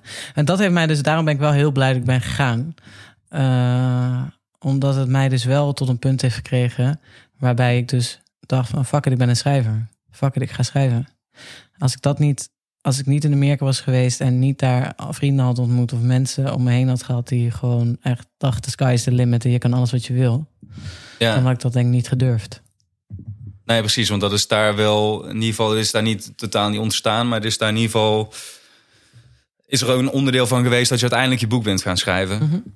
Want hoe is het überhaupt ooit ontstaan? Waar kwam het vandaan dat je dacht van... hé, hey, eh, vanuit die vooral faciliterende rol... ik wil ook een keer zelf iets gaan maken of schrijven? Ja, dat zat er eigenlijk altijd al in. Dus ik schrijf sinds me. eh, ik schrijf eigenlijk al mijn hele leven dagboek, maar vanaf mijn twintigste, dus ook rond de tijd dat ik ging mediteren en gewoon daar bewust ook mee bezig ben, ben ik Ja. heel, heel bewust mijn beleefwereld gaan beschrijven. En dan vooral mijn innerlijke beleefwereld. Ehm, ik was daardoor geïnspireerd door uh, schrijfster uh, Anais Nin, uh, die sinds haar zevende tot haar zeventigste echt ontzettend veel boeken heeft geschreven, of dagboeken. Ja. Um, zelf gefaalde, gefaalde kan ik wel zeggen, ja, semi-gefaalde fictieschrijver. op haar veertigste heeft zij haar eigen drukpers gekocht. je moet voorstellen dat zij een vrouw van 40 was in de jaren 50 in New York. En struggelde om rond te komen. En haar eigen drukpers heeft verkocht om haar eigen boeken uit te brengen. Omdat niemand dat wilde doen. Nou, dat is dan ben je sowieso een legend. In ja, uh... en pas rond haar zestigste of zo is zij bekend geworden. Omdat haar dagboeken toen ook um, uitkwamen. Omdat ze uh, toch wel een beetje succes had met een paar van haar uh, romans. Ja. En toen is haar, zijn haar dagboeken uitgekomen. En die zijn gewoon fantastisch geschreven. Als je wil leren van iemand anders ja, beleefwereld, dan is dat heel, heel vet om te lezen. En toen dacht ik bij mezelf van ja, ik moet, ik moet eigenlijk ook gewoon heel eerlijk, heel eerlijk blijven schrijven hoe ik me voel en, en wat ik wil. Uh, want ten eerste helpt het op dat moment, namelijk je schrijft het van je af. En ten tweede zou het nog kunnen helpen daarna. Maar dat dus vaak als ik in een, in een uh, wat mindere periode in mijn leven zat of wat twijfelde over dingen, dan las ik vaak gewoon dagboeken terug ten eerste kun je dan, heb je dan een bevestiging van wie je bent en hoe, hoe je denkt. Of in ieder geval op dat moment. Je kan jezelf ook heel erg um, versteld kan laten staan. Dat je echt denkt, wow, dacht ik dat toen al? Of wow, kan ik dit schrijven, weet je wel? Dus dat is soms is het heel cringy natuurlijk. Soms denk je echt, mijn god, wat is dit? Ja. Maar over het algemeen moet je er positief naar kijken. En voor mij was het dus in Amerika... Uh, dat ik er echt wel, ik zat er echt, uh, ik zat diep in de put daar. Ik, ik, ik kon ook geen uitweg zien. Het lukte me niet om een uitweg te zien. Op een of andere manier dacht ik, uh, wat moet ik dan? Ja. kan niet, als ik terug naar Nederland ga, moet ik daar dan in de, muziek, in de muziekindustrie gaan werken? Ik ben hier eigenlijk niet blij mee. Alles waar ik op mijn vijftiende heb bedacht dat dat de shit is. Als je, ja, als je dan dertig bent, dat zijn natuurlijk best wel oppervlakkige ideeën van wat de shit is. Namelijk een, in de muziekindustrie werken, punt. Dat is natuurlijk heel oppervlakkig. Ja, natuurlijk. Er zit vrij weinig. Wat wil je daar gaan doen dan? Ja. Wat, wat, ja. En mijn doel was natuurlijk wel altijd het helpen van artiesten. Maar op een gegeven moment is dat, moet je ook dieper gaan graven. Of wat je dan nog meer wil. Of op welke manier je dan wil. En wat dan, snap je? Dus ik, ik baalde heel erg van mezelf. Dat ik dacht van, shit, ik heb mijn hele leven ingericht op het idee van een 15-jarig meisje. Maar ja. ik ben nu gewoon een 30-jarige vrouw. En, wat, wat, en nu dan? Wat wil ik dan? En... Um, toen las ik dus in al mijn dagboeken. En dat ben ik dus echt consistent gewoon al tien jaar aan het schrijven. Dat ik wil gaan schrijven. En ik dacht, ik dacht altijd van, wat ik als ik 50 ben. Dat was altijd het idee van, ik kan gewoon een soort van Charles Bukowski zijn. En gewoon op mijn vijftigste mijn eerste boek uitbrengen. En dan, ja. dan heb ik tenminste nog wat levenservaring. Ben ik hopelijk wat slimmer. En dan, uh, dan, dan komt het wel goed. Maar um, opeens dacht ik van, ja, maar wie zegt dat je 50 wordt? En dat, statistisch gezien is het vrij logisch dat ik 50 word. Maar het kan zomaar gebeuren dat ik niet 50 word. Ja, zeker. Ja. En ben ik dan aan waar ben ik dan op aan het wachten? Als ik al weet dat ik dat wil. En ik had dus een heel duidelijk doel voor ogen um, van hoe ik oud zou willen worden. En dat was uh, in de natuur wonen. Uh, in een huis waar, waar, ik een ruimte had om te schrijven. En waar ook een studio zou zijn waar artiesten langs zouden kunnen komen om muziek te maken. En ik dacht van ja, ik zat in, in New York en ik verdiende veel geld. En ik, ik, ik, ik ik leefde een vrij snel leven en ik had, ik had, uh, ik was heel veel contacten op aan het leggen uh, of um, aan het maken, maar ik dacht wel van, dit brengt mij helemaal niet dichter bij mijn doel. Ja, misschien geld om uiteindelijk zo'n huis te kopen, maar ja, ga ik dan nu dan tien jaar hier lopen buffelen om zo'n huis te kopen? Is dat ook iets, zijn dat ook dingen die je continu opschrijft? Of toen al hebt opgeschreven, hoe, hoe ziet mijn ideale leven eruit? Wat wil ik nou? Ja, ik heb denk ik wel eens opgeschreven dat dat wel, dat dat wel de, ultime, de ultimate goal was. Dat ik zo wel rentenieren, een beetje. ja, precies, ja. En, uh, um, maar dan moet je dus tien jaar iets aan doen. Dan moet je dus elke ochtend opstaan en balen wat je aan het doen bent, omdat dat het doel is. Toen dacht ik, ja, doei. Dat moet er een makkelijkere manier zijn. Ja. En toen, uh, en dat is dus nu het leuke, want dus het huis waar we nu in zitten staat in de natuur. Is ook nog eens een keer dicht bij Amsterdam. Ja. Heeft een, heeft een studio, want mijn vriend is producer. Ja. En ik heb een ruimte waar ik kan schrijven. Precies, ja. En het, ik heb het niet, want het is niet van mij. Maar ik geloof sowieso niet heel erg in het ja, goed, in principe heb je, als je een hypotheek hebt, heb je het ook niet, want dan heeft de bank het. En je, ja. Maar um, ik, ja, het is ook nog eens een keer anti-kraak, dus ik betaal ook nog eens een keer echt bijna geen drol. En het is, uh, ik heb dus een soort van, eh, tof voor elkaar gekregen om dit dan nog binnen een jaar te krijgen. Waar Ja. ik dus eigenlijk zou willen als ik 50 was. Maar misschien omdat je de aandacht er eenmaal aan- had geschonken. In Amerika was het überhaupt niet mogelijk natuurlijk. Dus Ja. je moest al eerst ja, terug of whatever, in ieder geval weg uit New York. Want daar eh, is dit niet... eh, Ik, ik heb dit niet gezocht, hè. dit kwam op me af. Dus Ja. de, de, de, ik denk dat eh, waarom het gebeurd is, is ten eerste, laten we dat voorop stellen, heel veel mazzel hebben. dat is denk ik wel bij alles in mijn leven en bij heel veel mensen. Ik bedoel, het feit dat we hier geboren zijn, het feit dat we eh, kunnen zien, horen, kunnen bewegen en tussen haakjes Ja. fatsoenlijk kunnen nadenken, zijn natuurlijk al hele, hele gelukzalige dingen. Maar ehm, ik denk ook dat het te maken heeft met het feit dat ik willing was om helemaal niks te hebben. Dus toen ik terugkwam, ehm, had ik mijn appartement hier verhuurd in Amsterdam. Dus ik, ik, ik mocht steeds bij mensen slapen. Dus ik had wel gelukkig heel veel lieve, mooie vrienden om me heen. Maar ik had geen huis. Ik raakte ook nog eens een keer mijn portemonnee kwijt. eh, de eerste week. Paspoort dus ik had en geen. Ik had, ja, ik had wel een paspoort, maar ik had geen bankpas en ik had geen dingen. En ik had dus geen te- werkende telefoon die ik dus ook niet aan kon vragen, want ik had geen bankpas. Dus ik zat een soort van twee weken met helemaal niks. En want mijn telefoon was nog vanuit Amerika, dus ik kon geen simkaart. En ja, ja. Dus ik zat daar echt en toen dacht ik, en ik was zo fucking gelukkig. Het was hier herfst, dus ik, was, ik ben ongeveer rond deze tijd vorig jaar teruggekomen. Het was herfst, het was gauw, het was ding. En ik was alleen maar zo gelukkig en zo blij. Want ik hoefde niet meer al die dingen te doen die ik niet wilde doen. Precies, ja. Ik kon gewoon wakker worden en schrijven, want ik had wel nog mijn laptop. Ik kon gewoon schrijven. En, eh, en ik heb het boek ook in negen verschillende huizen geschreven. Um, en dat maakte me ook helemaal niks uit, totdat ik dit huis had waar ik was. Want ik had ook, voor mij was het belangrijkste dat boek. Als ik maar kon schrijven. ja. En daar heb je alleen een laptop voor nodig. Denk je dat je het ook eerder had kunnen schrijven? Dat je het de hele tijd uit een soort angst of zo maar voor je uit eh, schoof? Omdat jij dan de, degene was die niet eh, creatief was en Ja. dingen kon doen? Of... Ja, maar ik denk wel dat het voor een reden is dat ik het nu pas heb geschreven. Als in, ik heb wel heel veel geleerd ook in New York over mezelf en over het leven. Ja, Ehm, en ik hoop dat ik nog veel meer ga leren en dat het volgende boek beter wordt en dat boek daarna nog beter en dan nog beter. Ik bedoel, als je, als je opeens gaat creëren, ik weet niet of je dat ook hebt met, met, met eh, muziek, dan je hebt misschien een melodie in je hoofd of wat dan ook en dan is het best wel makkelijk om het eruit te krijgen, maar krijg je het net eruit met dezelfde intentie en gevoel als je het in je hoofd had, snap je? ja natuurlijk. Ja. En, en als, je, als dat dan niet lukt, ehm, dan kun je twee dingen doen. Dan kun je denken, oh, ik ben niet goed. Of je kan denken, dit is hoe goed ik nu ben. ja, precies. En I better deal with it. Want als ik het vaker doe, meer doe... en als ik, hoe meer ik leer en hoe, hoe meer ik groei als mens... dan word ik ook steeds beter. En die groei is heel erg interessant, vind ik. Dus toen ik dit boek uiteindelijk geschreven had... dan lees je het natuurlijk een paar keer terug... en dan denk je, ha, oké, I guess... dat dit het beste is wat ik kan. Nou ja, want ik weet wel dat het... het is wel het beste wat ik kan in de zin van... ik heb me er wel echt alles aan gegeven wat ik had. Eh, ja, natuurlijk. Want dan, dan, dan krijg je zoiets ook niet, niet voor elkaar natuurlijk. Ja, nou, je kan, Kan je wel wat kan- letters op papier zetten, maar iets waar, wat je echt wil uitbrengen en waar je achter kan gaan staan. Ja, maar het, kijk, als je ook veel, als jij bijvoorbeeld heel veel naar Jimi Hendrix luistert, dan bouw je er misschien van dat je niet per se gitaar kan spelen als Jimi ja, nou, Hendrix. Sterker nog, want je zegt nu van, oh, je hebt misschien melodie in je hoofd. Maar ik ben op een duur dus ook achtergekomen. Ik maak al heel lang muziek. Alleen, eh, wat je zegt, vocaal en op papier ben ik beter dan in muziek. Ja, Dus ik zal nooit een, een eh, ja, de beste artiest of de beste producer of zo. Dat hoeft ook helemaal niet. Dat is natuurlijk, eh, wat je zei, maar net waar je voor gaat. Maar ik heb wel gemerkt dat ik met bepaalde dingen die ik vroeger ook nooit inzag of zo misschien.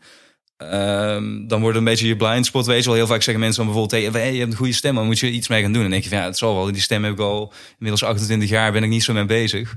Ehm, en ook dat je zelf wel eens vaker denkt, precies wat jij nu eigenlijk zegt, van ja, bijvoorbeeld bij mij was altijd, ja, mensen zagen me al als gitarist, dus dat was helemaal niet raar of zo. Eh, toen ik deze podcast ging maken en ik heb nu nog wat andere plannen waar ik mee bezig ben, dat zijn meer dingen die mensen nog niet van je kennen of zo. Die op dat papiertje staan, inderdaad, die je zelf eh, stiekem opschrijft. ja, Tot het moment dat je een keer naar buiten zegt van, yo, ik ga dit doen, weet je wel, Ja. eh, hier komt het. Maar dan moet je het wel ook, vind ik, volledig voelen of zo. En, en inderdaad daar zijn om dat te kunnen met volle overtuiging te zeggen. ja, maar je moet ook wel echt vrede hebben met het eh, feit dat, dat als je alles geeft wat je hebt, dat dat dan ook goed genoeg is voor dat moment. En dan mogen andere mensen daar andere mening over hebben, uit, uiteraard. maar voor ja. jezelf in ieder geval wel. Ik denk wat heel veel mensen doen is van, oh ja, ik lees eh, Hemingway. Maar ik schrijf niet als... En als ik wil schrijven, dan schrijf ik niet als Hemingway. Dus ik kan maar beter niet schrijven. Ja, dan kom je er nooit natuurlijk. Ja. Dat is geen... eh, En, eh, maar dat is lastig wel. Ook vooral als je het een verschil is in niveau van wat je zou willen en wat je kan. Ja, natuurlijk, ja. Maar dat heb ik maar gewoon naast me neergelegd in die zin. Van ja, dit is dan. Het is natuurlijk ook het, het thema waar het boek zich niet per se voor leent om te schrijven als een Hemingway. Dus dan kan ik dat wel dat, ja. proberen, maar dan is dat heel geforceerd. Ja, wat, en, wat ik eh, wel heel tof vind, want als, als mensen ook denken van ja, wat de fuck hebben jullie het over? Eh, ik zal hem in die camera houden, inderdaad. Anxiety, eh je debuutroman. Ehm, ik kan hem iedereen aanraden om te lezen, ook als je niet bekend bent in de muziekindustrie of eh, whatever, zeg maar. Omdat het gewoon ten eerste hoe je het schrijft met verschillende verhaallijnen die op een gegeven moment door elkaar of in elkaar overlopen, vind ik heel knap gedaan. Want ik begon met lezen en toen dacht ik in het begin van... oh, wat gaat hier gebeuren of zo, weet je wel. En dan op het duur heb je een paar keer zo'n zo'n klik in je hoofd van... oh, tof, van nu gaan we hier naartoe. Ehm, maar anderzijds omdat ik denk dat heel veel dingen die je beschrijft in het boek... eh, die gaan nu dan toevallig over de muziekindustrie. Maar misschien wel over heel veel andere aspecten nu ook gaan... of andere industrieën of andere plekken waarin veel mensen met elkaar zijn... en met elkaar dingen proberen te creëren of dingen te doen... ehm, waarin nog wel snel je verzeilt in succesverhalen... en we willen allemaal succes en wat je zegt, de doelen en bla bla bla... Ehm, waarna je na tien jaar ineens eindigt met een hele, hele mand vol met mensen die eigenlijk allemaal kei ongelukkig zijn. Omdat ze alleen maar dat beeld hadden van, oh ja, het moet allemaal maar groter en meer geld en succesvoller. Terwijl ze nooit stilstonden bij waar ging het in de eerste instantie om. Was dat toffe muziek maken bijvoorbeeld? Was dat voor jou eh, dat ik Spotify, of dat je dat een heel tof platform vindt en daaraan wil, wil contributen, zeg maar? Of is het gewoon van, ja, ik wil een, een hele meneer of mevrouw worden en veel geld hebben en wat je zei, een beetje oppervlakkig van ja, ik wil in de muziekindustrie, punt. mhm. En dan zoals je 15 bent natuurlijk, is dat al heel wat om überhaupt dat te weten. Ja. Dat je dat wil. Want er zijn denk ik ook heel veel mensen die denken, ja, ik weet überhaupt niet waar ik naartoe wil. Ja. Maar als je dat nooit verder concretiseert inderdaad dan dat, ga je waarschijnlijk een keer tegen de lamp lopen. Of je bent gewoon oké met wat je doet en dan is dat, eh, is dat ook top. Maar dan denk je er waarschijnlijk ook niet zoveel bij na. Dan maakt het je allemaal niet zoveel uit. ja. Denk je dat dat goed is? Als je daar niet te veel over nadenkt? Ja, ik heb wel eens oprecht gedacht, eh, een aantal vrienden van mij uit Limburg, dus waar ik vandaan kom, want ik ben op de duur gaan studeren en, en weggegaan daar. Ook omdat Waar ik kom je vandaan uit Limburg? eh, Weert. Oh, weer. Ja, dus het is een soort Limburg-Brabant. Mensen Ja, ja. die, die eh, begrijpen het verschil nooit zo. Maar ik weet nog wel dat ik toen ook dacht van ja, ik moet hier weg, want ik, ik was overal klaar mee daar. Mijn ouders gingen ook verhuizen naar een dorp en daar was ik ook helemaal niet blij mee. En toen zei ik, ik wil zo, zo ver mogelijk weg. En dat was dan of Amsterdam of eh, Utrecht of eh, uiteindelijk bij mij is het Tilburg geworden. Omdat ik eigenlijk toch wat ik riep. Ik was nog- ver. Nee, ik was niet zo tof inderdaad om dan te zeggen, nou meteen naar Amsterdam. Ehm, en toen op het duur kwam ik steeds vaker in Amsterdam. En ik, ik wilde dat tegen iedereen roepen ja, maar ik vind het daar fucking vet. Maar ik heb eigenlijk bijna niets met Amsterdam. Er wonen wat leuke mensen. Maar elke keer als ik daar ben, denk ik van ja, weet je wel, ik vind Utrecht, daar woon ik nu super chill. Maar ik wil nu ook nog meer de natuur. En eigenlijk terug naar wat mijn ouders toen ook wilden toen ze in dat dorp gingen wonen. Want ze woonden daar helemaal vrij met hun dieren en zo. Nou, als ik er nu kom, denk ik van, hoe heb ik dat toen niet kunnen ja. zien? Ehm, maar dat je hebt ook mensen die zijn gewoon in Weert blijven wonen. Die hebben een, een baan genomen die of naar hen toe werd gegooid. Maar die, die spreken nu nog steeds best wel fijn. Die zeggen van ja, weet je, het maakt me allemaal niet zoveel uit. Want ik ga elke dag, ik vind het wel leuk wat ik doe. Ik heb allemaal niet die zieke doelstellingen in mijn hoofd. Als ik maar gewoon mijn huis heb, ik heb mijn eten, kan een keer naar de kroeg of zo. I'm fine, weet je wel. Er is niets. Ja. En dan denk ik vaak van wow, ik zou willen dat ik dit kan. Want ik wil niet zeggen dat die mensen oppervlakkig zijn. Zo totaal niet. Want ze zijn compleet tevreden met wat ze doen. Alleen bij mij werkt het gewoon niet zo. Dat, dat is geen... En ik wat kan zou dan de reden zijn, reden zijn dat het dan niet werkt? Dat vraag ik me dan af. Ja, omdat ik wel het idee heb en, en dat voel ik als een eigen verantwoordelijkheid. En ik denk dat jij dat ook wel hebt eh, als ik zie hoe je bijvoorbeeld ook over de muziekindustrie nadenkt en over andere dingen. Is dat ik meer wil bijdragen aan deze wereld dan puur hier maar te zijn. En dus het allemaal wel maar prima te vinden of zo. Dus op het moment dat je ergens voor staat, en dat kan ook een paar keer op je bek gaan zijn, omdat je misschien nog niet precies weet waarvoor je staat of zo. Maar dan voor mezelf gesproken denk ik dan nog steeds van ik wil wel iets bijdragen en groeien. En ik kan niet groeien op het moment dat ik 30 jaar op dezelfde plek, in dezelfde baan met dezelfde mensen blijf. En dus wat je zegt, het is vooral denk ik voor iemand zijn geest, eh, wat je ook in het begin zei van hey, als je echt een denker bent, een hele drukke gedachte hebt, klinkt het natuurlijk heel aanlokkelijk van, oh, stel dat ik dat niet zou hebben en gewoon een beetje zou leven en, en hier zou zijn. Ehm, maar anderzijds denk ik van, ja, die gedachten die leiden ook tot hele mooie dingen. Hm. Dus het is meer de balans vinden tussen die- dat moment van dus niets denken inderdaad en gewoon even zijn en die rust weer vinden om vervolgens met die gedachten gericht iets te kunnen doen.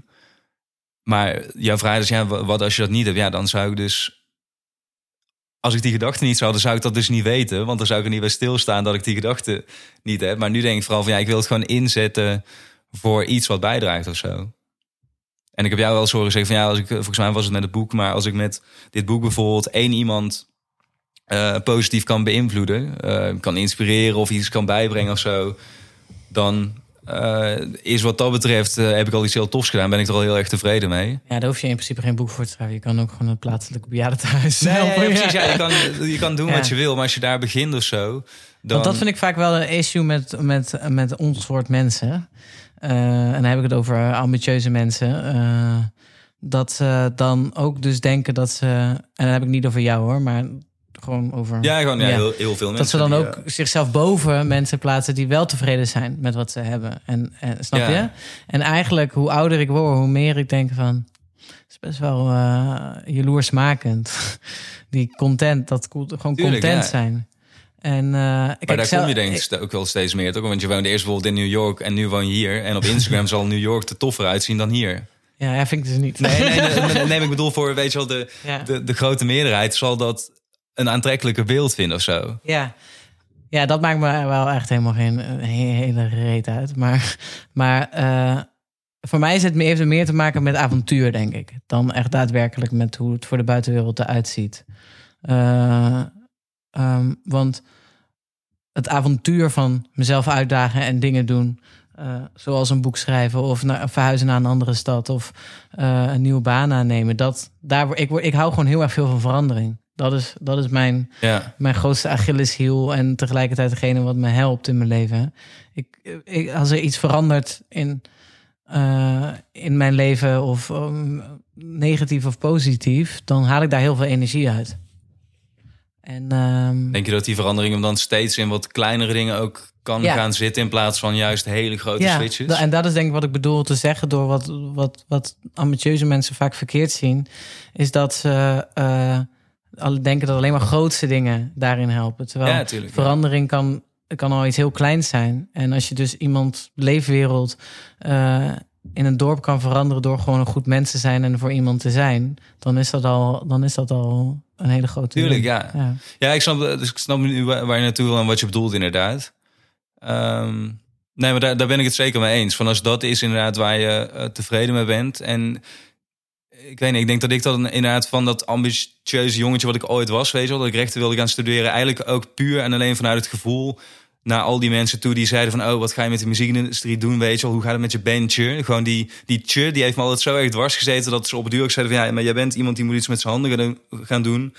En toen heb ik op een gegeven moment gewoon een klik in mijn hoofd gemaakt. Dat ik zei van, nou, ik ga jullie wel even laten zien dat ik niet alleen die guy met mijn handen ben of zo, weet je wel. Nou, dat heeft me behoorlijk wat tijd gekost. Een, een halve burn-out en... Door je voetmodel. Hè? Toen werd ik voetmodel, ja precies. Toen, toen was dat eh, het ding. Nee, maar meer van eh, dat ik... eh, weet je, op dat level zit ik niet meer. Maar inderdaad een soort bepaalde impact, groot of klein of zo... Ik denk dat het neerkomt is... op eh, als jij je doelen extern hebt, dat je altijd ongelukkig wordt. Dus ik denk dat mensen dat zowel in een grote stad, een dorp, om maar even die twee verschillende soorten Ja, ja. mensen. Niet dat, dat er alleen maar ambitieuze mensen in de stad wonen en niet ambitieuze mensen in het dorp. Maar je snapt wat ik bedoel, ja, denk ik. natuurlijk, ja. Ehm, maar als jij je doel extern hebt, namelijk ik wil die baan dat het tof uitziet. Ik wil die, die opleiding afronden omdat ik jullie wil laten zien dat ik eh, dit weet je wel Ja, beter gaat kan. werken. En ja. hetzelfde geldt van ik wil niet de stad uit, want wat moeten ze in het dorp wel niet van me, of het dorp uit, want moeten ze in het dorp wel niet van me denken. Of ik wil, ik wil er wel uit, maar ik durf niet echt. Of weet je wel, ik ken alleen maar dit, wat moet ik nog meer? Op het moment dat die de, je bewegingen extern zijn, dan ga je, eh, dan ga je altijd de mist in. Dat maakt niet uit hoe hoog Ja. of laag je op de sociale ladder staat van wat mensen belangrijk vinden. Het heeft er denk ik meer te maken met waarom je bepaalde dingen doet. En Ja, eh, als jij eh, graag voetmodel wil worden, omdat je daar een, een ding mee hebt, dan weet je, all the power to you. Ja, dat, dat zeker. Alleen dan komen we denk ik bij ook de, de kern waar onder andere deze podcast over gaat. Is dat je ehm, de vraag wat, wat wil ik en wat is mijn doel. Daar kom je volgens mij alleen achter wat jij zegt als je een keer in een stille kamer gaat zitten met een blaadje papier voor je. En een keer naar jezelf gaat luisteren in plaats van. eh, en ik denk dat steeds meer jongeren daar ook gewoon in opgroeien. Ik weet niet of jij dat eh, op de HBA ook ziet, maar is ja, als jij opgroeit met de mijn telefoon in je hand en, en afleiding. Ik ben er echt van overtuigd dat dat, eh, hoe noem je dat, dat aandacht op dit moment gewoon een van de meest schaarse goederen is waar iedereen om aan het vechten is. Want dat is gewoon precies hoe het werkt natuurlijk. Aan aandacht wordt geld verdiend. En dat is ook weer zo'n industrie waar je dan eh, iets over kan vinden. Eh, wat op zich niet erg is als je daar bewust van bent. Maar als je dus ten prooi valt aan dat iedereen jouw aandacht maar pakt. Waardoor je niet toekomt aan de vraag van... hé, hey, wat wil ik nou? Ga je maar gewoon wat stappen zetten. En zit je over tien jaar waarschijnlijk hetzelfde als wij nu hier terug te kijken. En ze- zeg je net als ik in ieder geval, laat voor mezelf spreken. Van oh, dat heb ik toen niet helemaal handig aangepakt. Want als ik toen wel met dat papiertje was gaan zitten... Want de 12-jarige Sander, die zei gewoon... ik wil in een band spelen, ik wil toffe muziek maken, that's it. Ik ben op alle eh, conservatoria geweest, ik heb toelating gedaan... ik wist dat ik een neuspiercing wilde, een aantal tattoos. Nou, die tattoos is wel gelukt. Maar ik zag het compleet voor me. En ik wist ook van, dit gaat gewoon lukken. Ik, ik trad elk weekend al op met mijn band, ik ging naar 3FM en zo. Het was aan het lukken, totdat maar genoeg mensen zeiden... maar ja, leuk dat het allemaal lukt, maar wat ga je hier nou mee doen of zo, weet je wel? En op het moment dat dat dan dat ineens de overal neemt en je raakt afgeleid van wat je eigenlijk van binnen voelt, kan je dus zomaar ineens zes jaar verder zijn met heel veel nog steeds geleerd, weet je, heel veel toffe mensen eh, leren kennen en nog steeds een hele duidelijke richting, want je komt er wel weer of zo.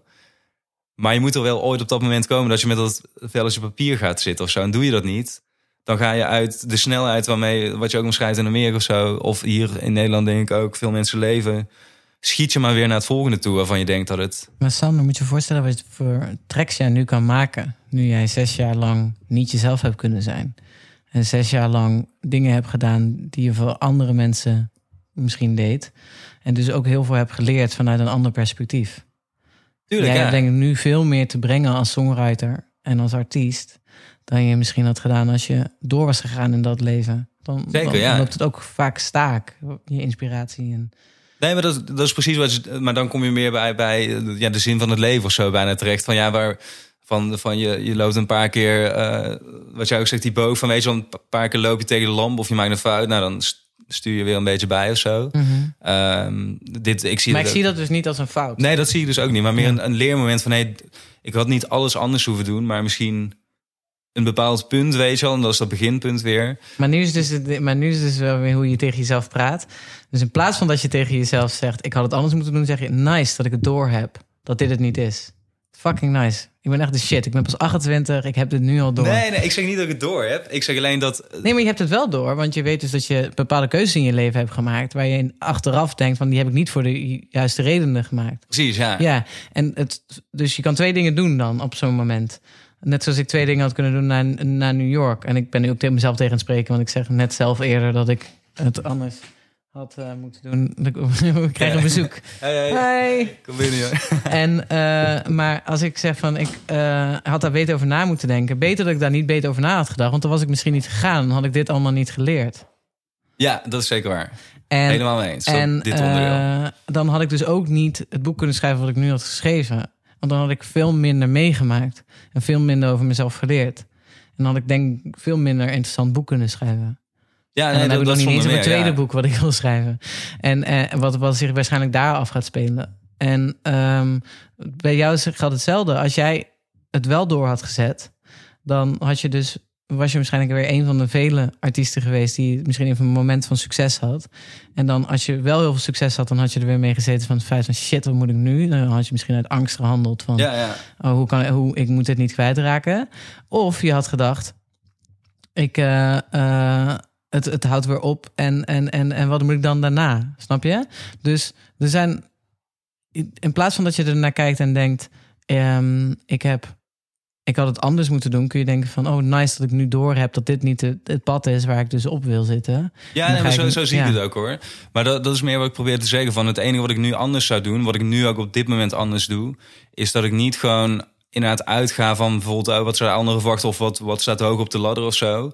Maar dat je dus eerst terug gaat naar die kern en dus een week in stilte bijvoorbeeld gaat zitten en echt nadenken bij de vraag van wat wil ik nou echt. In plaats van dat je het maar door allerlei dingen tot je laat komen dat je denkt dat je iets wil zonder daar echt over na te denken. Mhm. Ik zie het meer van als jij, ik ben er echt van overtuigd nu, eh, twintig mensen bij een menukaart zet, weet je wel, die, die restaurants waar je dan 50 verschillende dingen hebt. En je gaat zelf eens nadenken van, hé, wat wil ik nou kiezen? Dan kiest degene rechts van je, die zegt, weet je doe mij maar een burger. Degene tegenover je spaghetti en links, die zegt ook, oh, ja, doe mij ook maar die burger. En dan zit jij zelf en denk je, ja, ik weet eigenlijk ook niet, weet je doe mij ook maar- dan maar die burger of zo. Zo zijn heel veel mensen, denk ik, in een gedachtegang. Ehm, want dat boekje wat jij bijvoorbeeld al jaren bijhoudt... van hey, hoe voel ik me nou eigenlijk bij al die dingen... ja, durf ik bijna 100% zeker te zeggen... die zijn er bij heel veel mensen bestaat zo'n ding nog niet. Dus bij mij bestond die een jaar geleden of zo ook nog niet. Dus. Mhm. Maar sinds ik hem maak, weet ik ineens veel beter... of ik me ook gewoon goed voel bij de keuzes die ik maak. En wacht maar over vijf jaar. Want dan ga je Tuurlijk, ja. weer ook weer antwoorden op je geven over hoe je je nu voelde. En Precies, dat, ja. gaat- dat gaat ook een hele fijne afspiegeling zijn van de momenten dat je je echt gelukkig voelde. Zeker, En ik ja. weet dus ook uit eh, die dagboeken dat ik me heel erg gelukkig voelde op het moment dat het nooit met geld te maken had of ik me gelukkig voelde. Dus daarom wist ik ook vanuit Amerika van ja, ik kan nu wel veel verdienen, maar dat staat voor mij helemaal niet gelijk aan gelukkig zijn.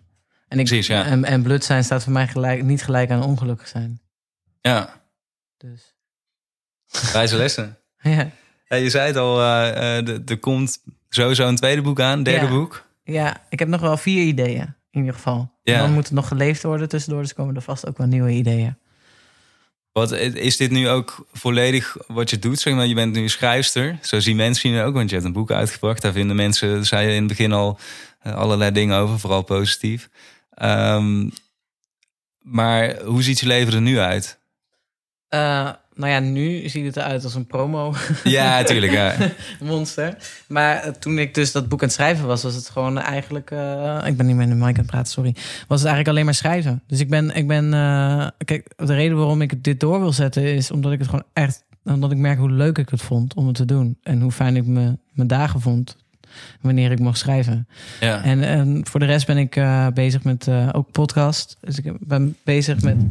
Eh, ik ben elke week de gast bij Funix over, dus over hip-hop. Samen met eh, Pim en Savinho. En ik, maak, ik ga beginnen aan mijn eigen podcast. Die gaat Augsvaart heten. Over de drie nummers die je op je begrafenis zou willen horen. Oké. Dus dat gaat ook weer over de muziek. Ja. En eh, ik geef dus les op de Herman Brood Academie. En eh, voor de rest, als het goed is, komen er nog wat dingetjes samen met Anxiety. En, en hoop ik dus snel mijn tweede boek te gaan schrijven. Ja. Ook weer binnen negen maanden? Ik denk niet zo snel, want als het zo doorgaat, dan ben ik, heb ik veel minder tijd. Kijk, ik had natuurlijk helemaal niks. Ja. Eh, ik had gewoon vijf dagen per week dat ik kon schrijven en dat deed ik ook echt. Dus daarom is het ook zo snel gegaan. Maar met lesgeven en met alle andere dingen denk ik niet dat het gaat lukken.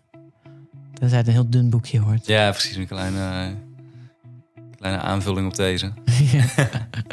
Hey, Diertje, thanks. Ik vond het super superleuk je te spreken. Eh, ik vond het leuk dat we het niet alleen maar over Spotify hebben gehad. En eh, voor iedereen die het boek nog niet heeft gelezen... ik ben eigenlijk van plan als je deze zo meteen zou willen tekenen... ik heb hem al gelezen eh, om deze te gaan weggeven. ja, leuk. Ja, dat ging niet helemaal lekker. Mijn uitleg had ietsjes duidelijker gekund. Dus bij deze. Als jij graag een ondertekend exemplaar van Anxiety wilt, het boek waar we in deze aflevering uitgebreid over hebben gehad, tag dan drie mensen die deze podcast zeker moeten luisteren onder een van onze posts op Instagram. @jongwanse podcast. En dan kunnen we nu terug naar de afsluiting. Ik kijk nu al uit naar je tweede boek. Dankjewel. Dankjewel. Yes, beste luisteraar. Thanks dat je weer was en luisterde naar dit leuke en verrassende gesprek met Diewertje. En in de volgende aflevering praat ik met de mannen van Newkid. Een talent agency wat zich volledig richt op influencer marketing. En bij die talenten kan je denken aan mensen als JJ Boske, Nina Waring en Busy. Dus zeker de moeite waard om weer te luisteren. En als je het nou fijn vindt om een melding te ontvangen op het moment dat deze aflevering online staat, dan is dat natuurlijk gewoon mogelijk. Abonneer je dan op deze podcast via platform waarop jij het liefste luistert. Ik zou het heel erg fijn vinden als je mij wilt laten weten wat je van deze podcast vindt. Dat kan je doen door een reactie achter te laten op socials, at podcast, of door een beoordeling te plaatsen in je favoriete podcast app. Dus laat van je horen en tot de volgende aflevering.